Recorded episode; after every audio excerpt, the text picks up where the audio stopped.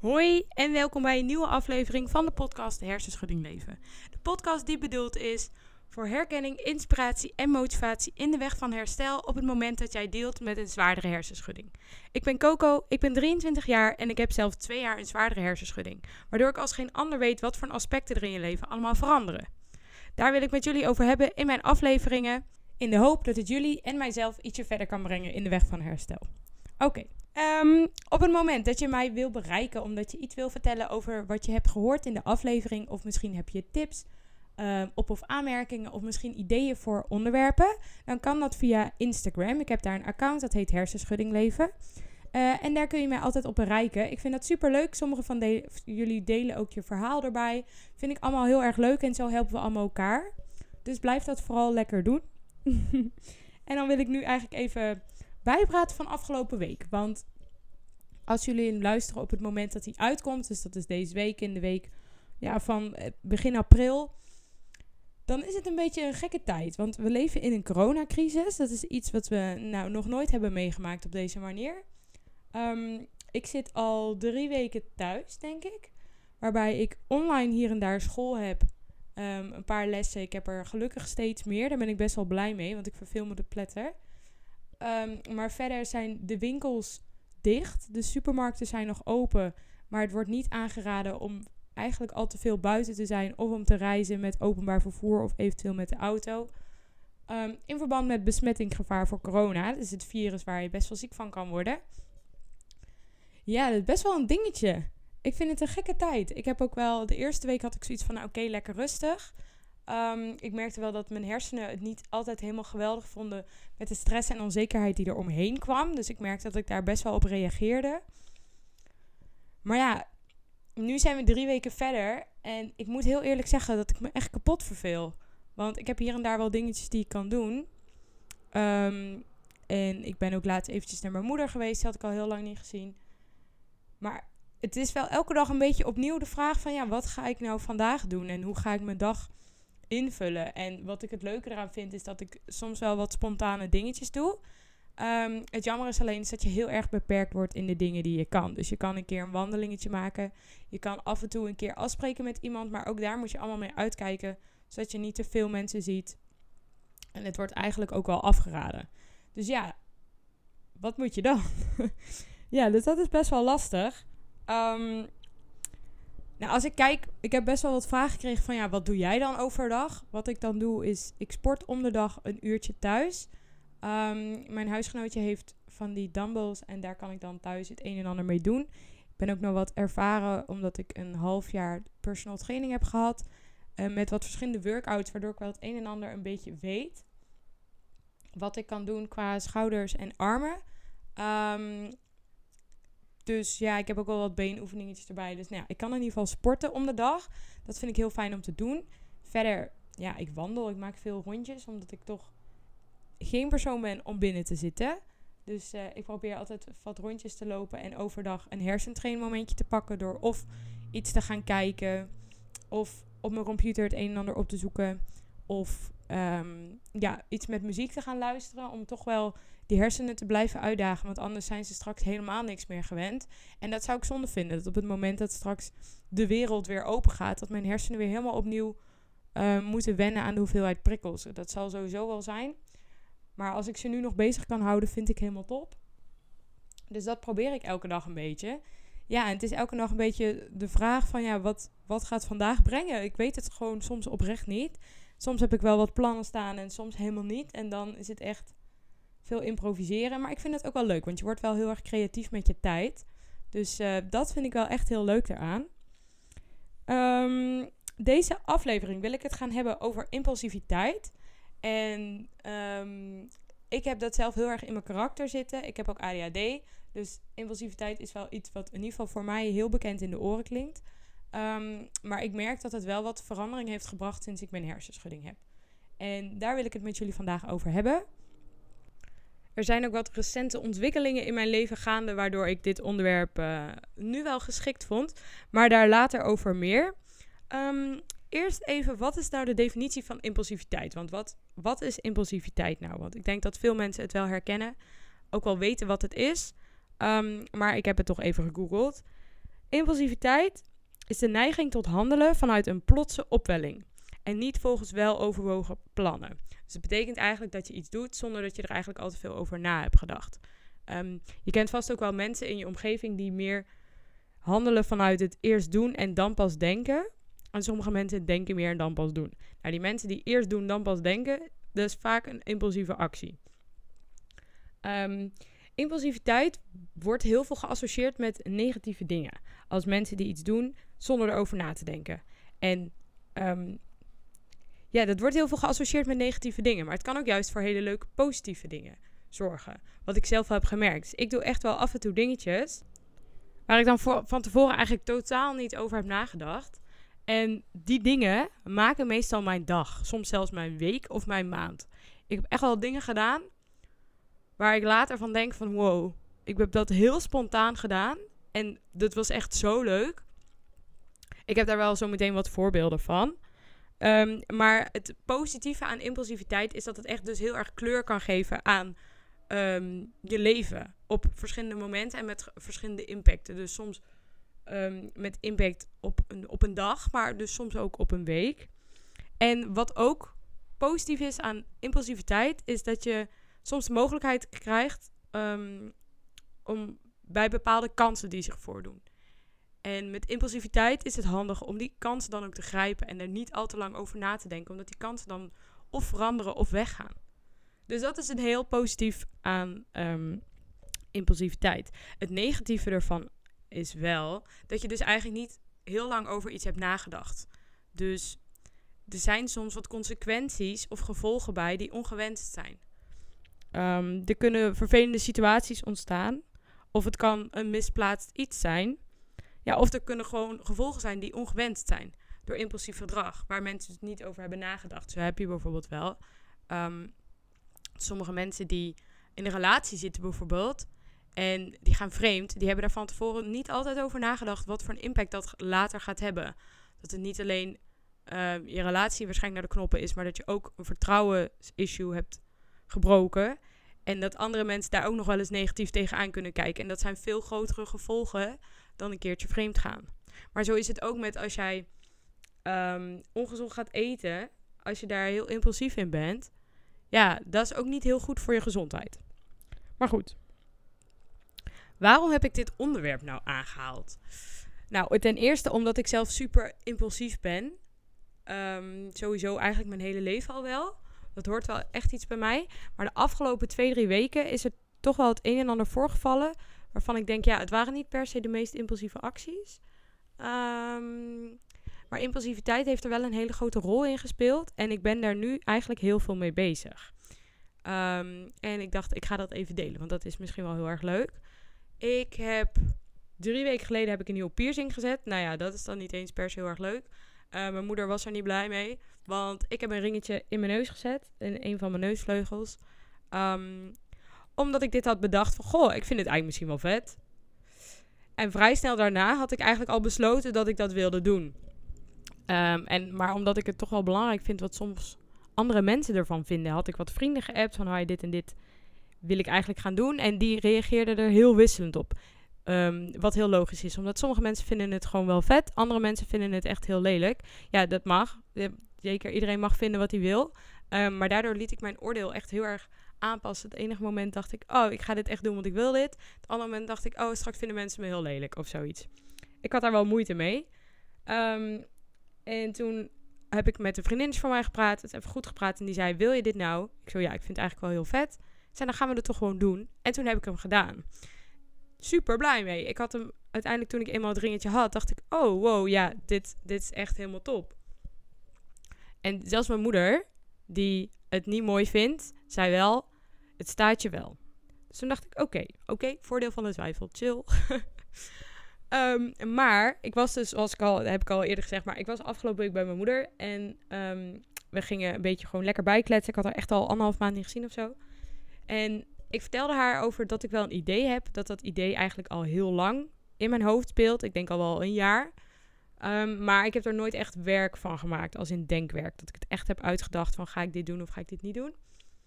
En ik gooide het op bij mijn moeder en ze reageerde eigenlijk best wel een beetje van... Oh, ja, nou ja, ja het is misschien niet... Ja, ja, het kan, misschien kan het wel. En toen gingen we er heel kort een beetje over hebben. En toen in mijn hoofd ging ik erover nadenken.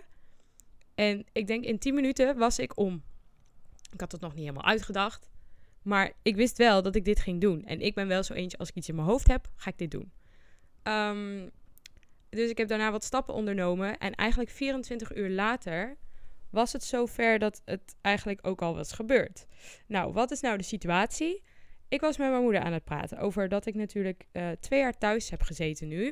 Of, nou ja, ik heb al gewerkt in de tussentijd, maar ik heb eigenlijk veel thuis gezeten, waardoor ik best wel veel alleen ben. Um, ik heb in de aflevering over eenzaamheid ook al verteld, ik kan best wel goed alleen zijn. Ik heb dat best wel goed geoefend en geleerd. En um, ja, het is op zich niet echt een heel groot probleem. Maar ik moet wel heel eerlijk zeggen dat ik eenzaamheid niet echt super leuk vind. En dat ik daardoor heel veel waarde ga hechten aan um, contact met andere mensen. Of in ieder geval met anderen. Maar ja, ik zit nu een beetje langzaam in een levensfase dat mensen een vriend of een relatie krijgen. Um, en, of gaan samenwonen. Um, nou, gelukkig zit ik nog niet in de situatie waarin allemaal mensen een baby gaan krijgen. Want dat zou ik nog niet. Ik weet niet zo goed hoe ik daarmee om zou gaan. Maar goed, maakt niet uit. Um, en dat vind ik voor al mijn vrienden echt super leuk dat ze gaan samenwonen. Ik gun het ze echt allemaal. Maar daardoor word ik wel nog meer geconfronteerd met het feit dat ik alleen zit. Uh, en ik woon wel in een studentenhuis. Ben ik super blij mee, want ik kan echt niet alleen wonen. Maar ook iedereen heeft wel iets van werk of um, school. En ik heb dat gewoon wat minder. Sowieso de afgelopen jaren. Maar ik heb even realistisch naar mijn leven gekeken. En ik ben wel tot de conclusie gekomen dat 40 uur werken zit er voor mij waarschijnlijk gewoon niet in. Um, en het kan misschien wel, maar ik weet niet of ik dat zou willen. Omdat het voor mij gewoon veel opoffering erft. Omdat ik dan. Ja, ik red dat met energie gewoon niet. En ik kan dat wel misschien over een paar jaar maar voorlopig nog niet. En dat is wel iets, uh, dat is wel een realistische kijk op hoe het nu is. En toen zei ik tegen mijn moeder, ja, ik, misschien heb ik er wel over nagedacht om iets van een huisdier te nemen of zo. Zodat ik gewoon even mijn aandacht kan verleggen. Wel een soort van aandacht en liefde kan geven, maar dan niet per se hoeft te wachten totdat er vrienden beschikbaar zijn om met mij af te spreken. Um, maar ik ben voor heel veel dingen allergisch. Dus ik heb al heel snel dat ik uh, beperkt ben en gelimiteerd ben in de mogelijkheden daarin zei mijn moeder, oh ja, een vriendin van mij, die dochter, die heeft nu ook een nieuw pup. En dat is een anti-allergene pup. En um, ik kan wel eventjes kijken of dat misschien hier en daar um, wat mensen iets weten over fokkers of um, mensen die een nieuw nestje hebben. En toen ging ik er langzaam over nadenken, want we gingen het er een beetje over hebben van ja, oké, qua toekomstperspectief heb ik wel veel tijd. Sowieso ook met wat ik de aankomende twee jaar ga doen. Dat is even mijn korte termijn. Van heb ik voldoende tijd om een uh, pup op te voeden? En ook heb ik een beetje het karakter om dat te doen. En eigenlijk steeds meer kwam ik op het ja, op de kijk uit dat ik dacht: oh, dit wil ik. Ik ga dit doen. Ik ga dit echt doen. En het was niet echt van: ik wil dit. Um, want het lijkt me gewoon heel erg leuk om een pup te hebben. Maar het, het klopte op heel veel verschillende vlakken. Ik dacht: ik ben dan minder alleen. Ik kan wel voor iemand zorgen. Maar ik heb ook bepaalde verantwoordelijkheid ja, ik zag het helemaal zitten. En toen heb ik eigenlijk vrij snel daarna al uh, wat stappen ondernomen die nodig waren. Dus ik ging eerst mijn huisgenootjes appen van, nou ja, wat vinden jullie hiervan? Um, als ik een hondje zou nemen, want ja, die gaat wel in huis lopen. Vinden jullie dat erg? Zien jullie, hoe zien jullie dat zitten? Um, ik ging ook even met wat vrienden delen. Omdat ik toch ook wel een beetje belangrijk vond om te kijken hoe het zou vallen als ik bij meerdere mensen zou vertellen. Um, nou moet ik wel heel eerlijk zeggen dat ik dat misschien beter niet had moeten doen. Omdat ik heel veel verschillende reacties krijg. Um, omdat mensen een heel negatief beeld hebben bij het feit dat er dan een hondje komt in een studentenhuis. Maar ik woon niet echt in een echt studentenhuis. Um, je kunt pas oordelen over of dat hier zou passen als je mijn woonsituatie hier echt kent. En de mensen die dat echt kennen, die waren eigenlijk al vrij snel voor. Die zeiden, je geeft het hondje gewoon een woonkamer en een tuin en het heeft jouw hele kamer en jouw kamer is super groot. Dus ik had eigenlijk al vrij snel dat ik dacht, oké, oké, um, ik wil dit misschien wel echt doen. En toen was het echt nog helemaal onderzoek gaan doen. Welke pups kan ik nou hebben? Um, sowieso welke rassen. Welke zijn een beetje goed opvoedbaar. Want ik heb al, ik heb ooit één keer een week een hond gehad. Um, maar toen bleek dat ik er te allergisch voor was, dus toen moest het hondje weer weg. Maar ja, dat wil ik natuurlijk niet nog een keer. Maar als ik een pup in mijn eentje ga opvoeden, heb ik daar toch iets van kennis voor nodig. En het is handig dat het niet al te moeilijk ras is om op te voeden. Want dan, ja, uh, gooi ik mezelf van een heel groot probleem op. En zo heb ik het een en ander gevonden. En um, ik kwam op een hele leuke site, puppyplaats.nl. Een soort marktplaats alleen al voor puppies. En toen ging ik daar een beetje ja, struinen, gewoon om eventjes wat inspiratie om te doen. En toen zag ik dat er een nestje bij ons in de buurt was. Een half uurtje rijden. En toen dacht ik, nou ja, ik bel gewoon even om te kijken of ze nog wat pups beschikbaar hebben. En of misschien eventjes zou kunnen komen kijken. En ineens kon ik ook gewoon meteen komen kijken. Dus een uurtje later was ik al daar en had ik een pupje in mijn handen. Ja, en het is toch wel, als je die puppyoogjes ziet en je ziet hoe leuk zo'n beestje reageert en hoe schattig dat is, dan ben je toch eigenlijk al wel om. Dus ik wist dat ik nog één echte taak had. En dat was mijn huisbaas informeren uh, over het feit dat er een pupje in huis komt. Want ja, dat mag niet zomaar. Je moet daar uh, wel toestemming van hebben van degene waarvan je natuurlijk het huisje huurt. Dus nou, dat loopt nu nog. Ik krijg nog akkoord binnen nu en uh, wat zal het zijn, twee dagen. Dus ik ben heel nieuwsgierig of dat het doorgaat. Ik hoop het echt, want ik zou het echt super leuk vinden. Maar dit was wel iets dat op het moment dat ik met mijn moeder dit gesprek had gehad, binnen 24 uur had ik mijn mensen zover, had ik besloten wat voor ras eventueel bij mij zou kunnen passen. Heb ik um, dat ras zelfs al bezocht, heb ik die pup in mijn handen gehad, heb ik al die vrouw overlegd over de eigenaar van die pup. Um, dus ik heb eigenlijk redelijk snel actie ondernomen. Um, nou moet ik wel zeggen, veel mensen zien dit als een hele impulsieve actie. En heel eerlijk, als ik heel eerlijk ben, lijkt het ook echt wel op een impulsieve actie. Het lijkt alsof ik binnen 24 uur heb besloten dat ik een hondje wil. En ik ga er alles voor doen. Nou speelt het idee al wel langer in mijn hoofd. Um, en ik ben wel zo iemand als ik ergens over na ga denken. Dan ga ik er meteen goed over nadenken. En alle voor- en nadelen meteen echt afwegen en heel realistisch kijken. Ik durf daar dan ook met afstand naar te kijken. Um, ongeacht wat ik daar dan zelf over wil. Dus als ik wil dat ik een pup heb, zou je ook heel erg kunnen zeggen: ja, het maakt me niet uit hoe mijn leven eruit komt te zien. Eh, dat komt wel goed. Maar ik heb echt met een afstand gekeken van: heeft dit wel zin? Hoe ga ik dat doen als ik straks ga werken? Ja, en ik kwam eigenlijk best wel op positieve dingen uit. Maar het is wel iets wat bij mij hoort. Op het moment dat ik iets beslis, binnen een korte periode zorg ik dan dat het ook gedaan wordt. Um, en dat is wel wat veel mensen onder impulsiviteit vallen. Dus dat was voor mij echt de aanleiding voor dit onderwerp. Dat ik echt dacht, nou, ik ga het over impulsiviteit hebben. Want als er iemand hier impulsieve acties neemt de laatste tijd, dan ben ik het wel. Um, maar als ik kijk... Oh, er komt even een ambulance langs. Ik was even afgeleid. Um, even kijken. Maar dat is, is iets wat eigenlijk de afgelopen twee weken een beetje naar voren kwam. Maar in de tijd van mijn hersenschudding heb ik eigenlijk ook al veel impulsiviteit ervaren. Um, maar wel een stuk minder. Omdat ik um, voor mijn hersenschudding, ik noem dat altijd eigenlijk vroeger. toen was ik echt heel erg impulsief. Ik deed echt heel veel dingen um, zonder echt over na te denken. En dan had ik later ook wel echt te dealen met de consequenties. Dat ik dacht, oké, dit is echt vet dom. Maar in de tijd van mijn hersenschudding merk je toch dat ik in ieder geval, ik werd een stuk voorzichtiger. En hoe langer ik mijn hersenschudding had, hoe voorzichtiger ik eigenlijk werd. Hoe groter de angst ook werd. Um, dat het allemaal wat erger was. Zo heb ik toen ik net, ik denk een maand of drie mijn hersenschudding had. Of misschien vier, vijf maanden of zo. Um, toen was ik met een vriend van mij aan het appen. En die zei toen, ja, wij gaan zo even naar Parijs. Uh, even wat eten en weer terug. Ik zo, wat? ja, we gaan even een roadtripje maken naar Parijs. En dan gaan we daar wat eten en dan gaan we weer terug. Ik jullie gaan in één dag heen en terug.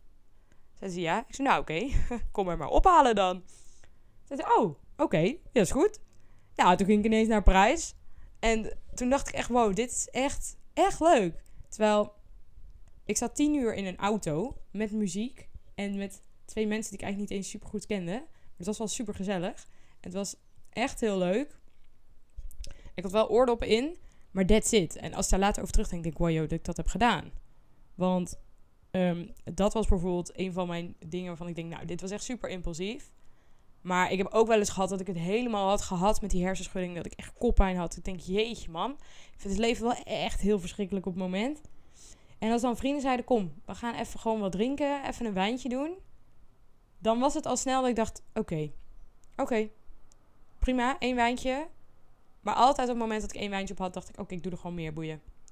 En dat is dan weer een heel impulsieve actie waar dan ik absoluut niet had nagedacht over de gevolgen. Maar ik wist ook wel, ik wist ergens wel dat de gevolgen vervelend gingen zijn. Als in, ik wist dat ik een terugval ging krijgen, ik wist dat ik daarop van reactie ging krijgen. Maar op dat moment dacht ik, ik ga dit gewoon doen. Ik ga nu een leuke, leuke avond hebben. Maar daar heb ik dan niet te veel over nagedacht. Nog verder in mijn herstelprocedure, uh, toen mijn angst nog groot werd, was ik al soms dat ik echt heel erg ging twijfelen van ga ik film kijken of ga ik het niet doen.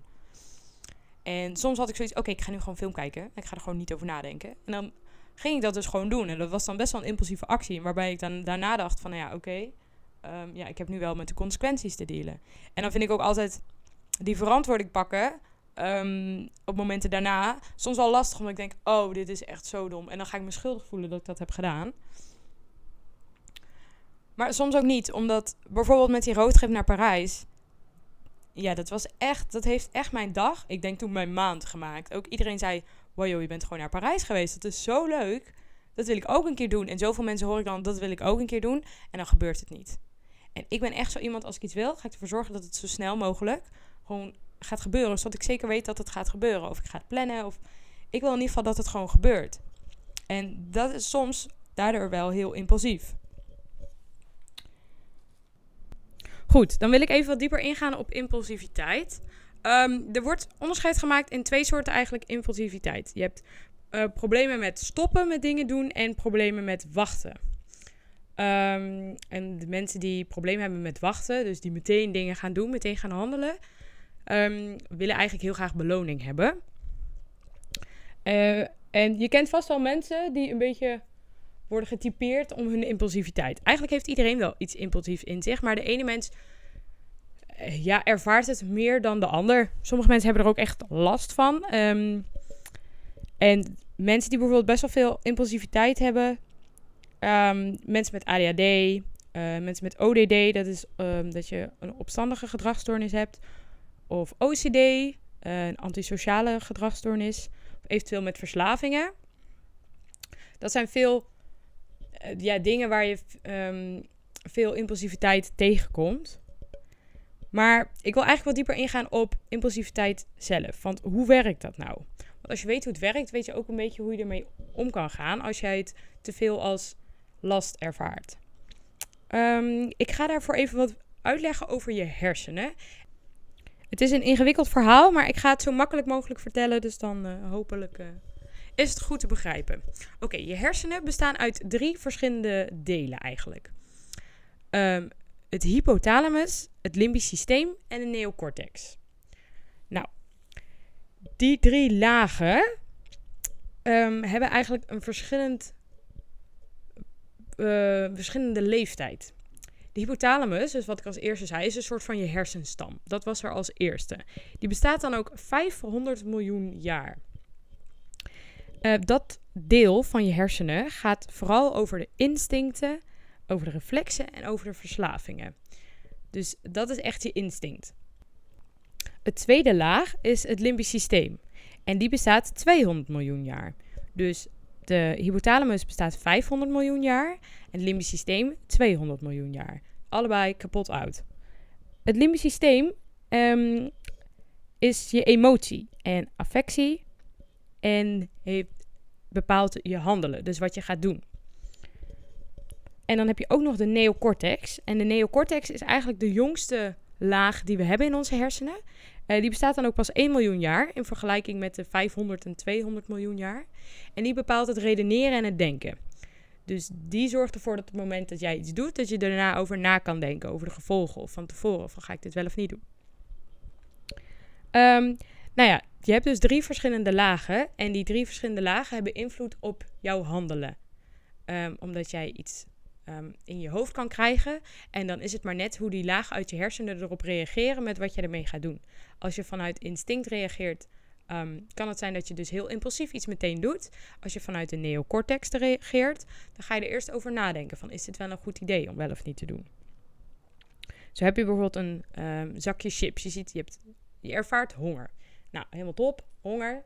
Uh, en je ziet een zak chips. Dan denkt jouw instinct meteen, oké, ik heb honger ik moet dat eten. Het kan zelfs zo erg zijn dat je niet eens honger hebt, maar dat jouw instinct denkt: oké, eten. Vanuit uh, de oertijd hadden mensen niet constant toegang tot eten. Dus als ze eten hadden, gingen ze zoveel mogelijk proberen te eten om ervoor te zorgen dat ze in ieder geval voldoende eten in zich hadden. Voor als ze een lange tijd zonder eten uh, kwamen te zitten. Alleen nu hebben we dat niet meer, omdat je constant toegang hebt tot eten. Maar zo werken je hersenen nog niet helemaal. Dus je hypothalamus die zegt dan: oké, eten top, moet je meteen eten, want dan heb je het in ieder geval. Dat is een goede voorbereiding. Um, en je limbisch systeem gaat dan bepalen: oké, we gaan het eten. En je neocortex die zegt dan: nee, je hebt al gegeten. Je hoeft helemaal niet een zakje chips te eten. Dus dat is een beetje dan een soort tweestrijd daarin. En het ligt eraan hoeveel weerstand, um, energie. Het heeft meerdere impact heeft erop of dat de neocortex het gaat winnen of niet. Want het is eigenlijk altijd een soort strijdje. Maar impulsiviteit heeft daar dus heel erg mee te maken. Want impulsiviteit komt dus heel erg vanuit die eerste twee hersenlagen, de hypothalamus en het limbisch systeem. Um, en ja, je moet eigenlijk proberen om daar dan een beetje op te kunnen inspelen om ervoor te zorgen dat je impulsiviteit wat geremd wordt. Maar heb ik wat tips voor. Um, een hypothalamus, dus dat is dat echt dat hersen, die hersenstam, dus waar het echt, de, de eerste laag, die luistert eigenlijk niet echt naar logica. Je moet hem een beetje beschouwen als een kind. Die wil gewoon of die wil het niet. Um, en de neocortex is dan de volwassen ouder die dan gaat zeggen: nee, je gaat dit toch doen of nee, je gaat dit nu niet doen. Dus je moet eigenlijk je hersenstam een beetje als kind beschouwen. Um, en om een kind iets aan te leren, ik heb zelf geen kinderen. Dus ik kan niet uit ervaring praten. Misschien dat als je kinderen hebt, dat je dat jezelf wat beter kan uh, voorstellen. Uh, maar om een kind, iets aan te leren, um, is het makkelijk om te kijken naar of eventueel alternatieven. Of eventueel kijken op emoties. Dat is een tip die ik heb gevonden. Is gebruik eigenlijk het limbisch systeem om je hypothalamus voor de gek te houden. Of op andere wijze te brengen. Want de specifieke tip zei: zoek alternatieven. Um, of ga echt vol in op emoties. Dus maak hem enthousiast of juist angstig. En dan heb je het dus over die eerste hersenhelft. Dus wat je kan doen is bijvoorbeeld, wat veel mensen doen, um, is ze willen bijvoorbeeld afvallen. En ze willen af van hun impulsiviteit om de hele dingen te gaan eten. En hoe ga je dat dan doen? Nou, je gaat kijken naar alternatieven. Dus om af te vallen moet je gaan sporten. Oké, top. Nou, ga je focussen op het sporten en niet zozeer maar op het eten. Uh, en als je een tijdje bezig bent met sporten, ga je zien dat je lichaam gaat veranderen. En zo kun je je doel langzaam veranderen van eventueel afvallen naar bijvoorbeeld um, groeien of spiermassa opbouwen. En dan is het veel makkelijker om eten te laten liggen, omdat je een heel ander doel hebt. Je doel is dan niet meer, oké, ik heb nu gewoon honger, ik ga dit eten. Maar je hebt een veel groter doel voor ogen, waardoor je alternatieven hebt en hem makkelijk kan afleiden. Wat ook een optie is, is dat je jezelf heel erg gaat aanpraten dat als je bepaalde dingen eet, dat je heel dik wordt. Maar ik geloof niet dat dat um, een goed iets is. Omdat ik ook vind dat je dan heel erg ook uitgaat vanuit het feit dat je dus dun moet zijn. En daar ben ik het niet helemaal mee eens. Maar dat is een discussie over body positivity en die gaan we nu niet voeren. Um, maar op zich, om hem te beladen met bepaalde emoties, want het hoeft niet per se over eten te gaan, maar het kan ook over andere dingen gaan. Um, dat is denk ik wel een goede tip om je impulsiviteit wat te remmen. Um, een andere tip is: zorg goed voor jezelf. Want bijvoorbeeld moeheid is je grootste vijand. Op het moment dat jij moe bent, of je neocortex vooral moe is van het vele denken, gaat hij moeite hebben met tegenstribbelen. Um, wat ik bijvoorbeeld merk is als ik een dag school heb gehad, het kost voor mij heel veel energie. Nou ja, ik heb dat nu al drie weken niet echt gehad. Maar op het moment dat ik een dag school heb gehad en ik loop terug naar het station om daar de trein te pakken, zit ik altijd over na te denken van, oh, zal ik niet even gewoon een muffintje halen of wat chocola, even een beetje suikers, een beetje energie erin. En dan heeft mijn neocortex daar moeite mee. Die kan dan niet meer um, relativeren van, nee Coco, dat moet je niet doen. Dan krijg je verkeerde uh, dingetjes binnen. Dat is niet goed voor je hersenen. Dan krijg je verkeerde energiebalans. Daar heb ik dan moeite mee. Omdat mijn neocortex is dan moe van school en die is dan veel uitgedaagd. Dus die kan dan niet meer goed relativeren. Andere tip is wees gedisciplineerd. Eerst een vervelende taak en dan een positieve beloning. Um, en in die beloningen kun je ook weer, motiv- uh, kun je ook weer verschillende dingen uitproberen. Dus als jij bijvoorbeeld met het eten, ja, als je bepaalde dingen niet wil met eten, dan geef je jezelf een andere beloning. Maar als je het echt helemaal kijkt naar hersenschuddingen, ehm, want dan kun je bijvoorbeeld zeggen, nou, ik geef mezelf eerst even een, een hersentrainmomentje, maar dat kan best wel zwaar zijn en niet altijd per se even leuk. Maar soms moet je gewoon wat dingen doen. Soms moet je iets, iets regelen voor de overheid, um, weer belastingaangifte doen. Soms moet je iets opzoeken op internet. Het is allemaal dingen waar je wel reactie van kan krijgen. Maar je kunt jezelf daarna een positieve beloning geven. Als in, ik ga dan een lekkere, gezonde lunch voor mezelf maken. Of ik ga dan daarna even lekker buiten wandelen. Um, en dit en dat. Of ik mag daarna even een leuke aflevering luisteren van een bepaalde podcast die je heel erg leuk vindt of zo. Dus dat je dat ook houdt als beloning voor een eventuele volgende taak die je moet uitvoeren. Uh, een andere tip is: spreek iets af met mensen. Omdat uh, je hersenen zijn gevoelig voor sociale druk. Dus dat kan helpen. Als je er met mensen over hebt gehad, kan je jezelf wat makkelijker vertellen: nee, we gaan het niet doen, want ik heb dit en dit afgesproken. Um, ook een goede tip is, is als je bijvoorbeeld dus een taakje moet doen en je bent het aan het uitstellen en je denkt, ja, weet je, ik heb hier helemaal geen zin in. Dus om jezelf dwingen om te beginnen. Gewoon doen. Niet te veel over nadenken of het wel of niet leuk is. Gewoon doen. Um, en als je impulsiviteit naar bepaalde dingen hebt. Als ik het heel erg even hersenschudding gericht heb, bijvoorbeeld. Wat ik in het begin heel erg had, is dat ik heel graag toch film wilde kijken of zo. Um, dat uiteindelijk ging ik met tv ja uitzetten. Zorgen dat ik, maar ook ik ging Netflix en zo ook allemaal van mijn telefoon afhalen. Zodat ik daar echt minder mee geconfronteerd werd. Um, dus ik zorg gewoon dat de verleiding minder groot is. Dat is ook vaak mensen die willen afvallen. Als je geen snoep in huis haalt, dat helpt echt al zoveel. Dus dat soort dingen zijn wel handig om uh, in de gaten te houden. Nou ja, dat was hem eigenlijk voor deze week. Ik hoop dat jullie het interessant vonden. Ik hoop dat jullie het eventueel herkenbaar vonden en of er iets aan hebben. Misschien ook juist helemaal niet. Laat het me weten via Instagram dus. Hersenschudding leven, dat is het account. Um, en dan heb ik nog een vraag als je luistert via iTunes of via Apple Podcast. Wil je een review achterlaten? Want dan wordt de podcast sneller gevonden. En dan kunnen andere mensen die ook een hersenschudding hebben de podcast wat makkelijker vinden. Oké, nou, doei doei, tot de volgende keer.